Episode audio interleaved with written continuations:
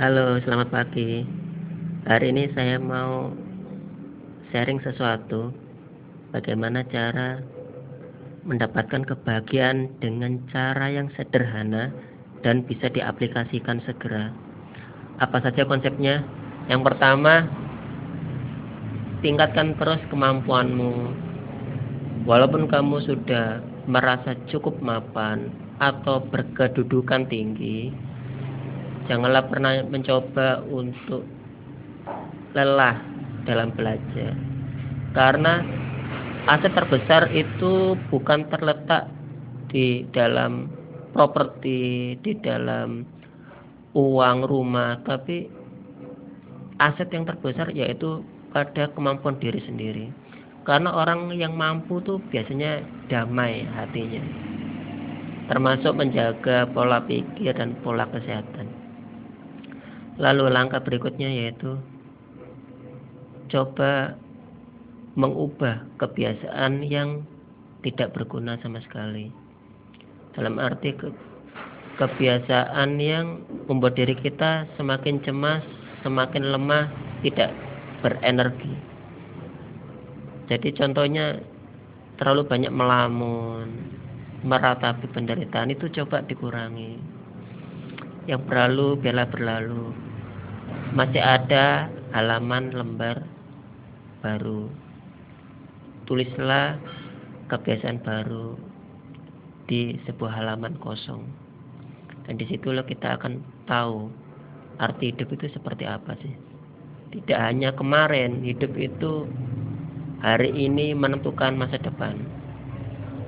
Lalu, cara berikutnya, kalau kamu ingin tahu cara yang sederhana, kamu harus pahami apa saja kelebihanmu dan apa saja kelemahanmu.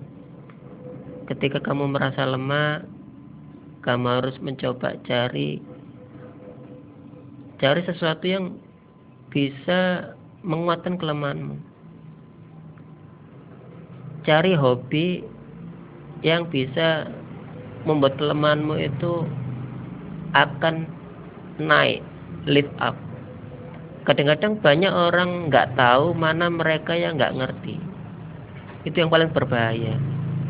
Jadi cobalah untuk memahami diri Anda mana yang penting dan mana yang nggak penting, mana mendesak dan mana yang nggak mendesak.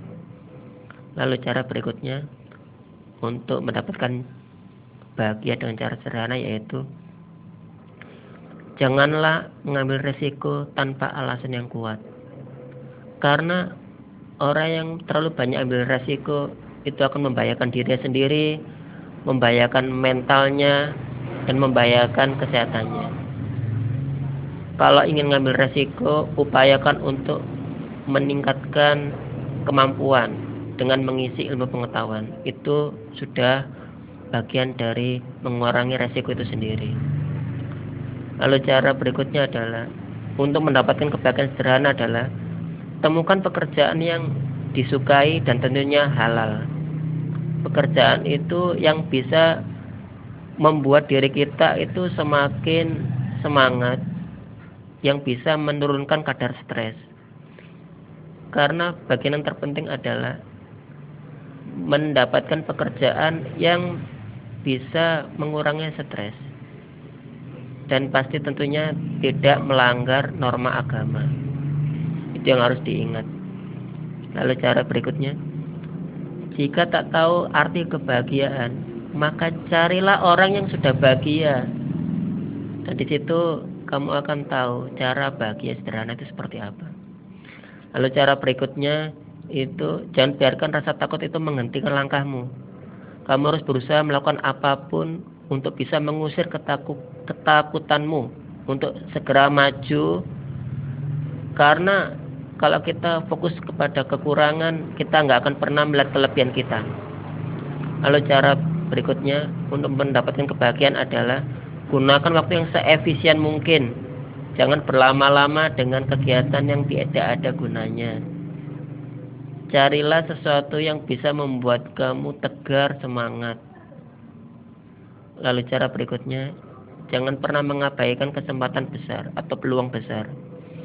Memang kesempatan itu tidak pernah bisa diprediksi. namun sering kali kesempatan itu mengajarkan kita untuk lebih dewasa. Ketika kita dewasa, kita mampu untuk menangani sebuah persoalan. Mungkin itu aja dari saya. Semoga bermanfaat.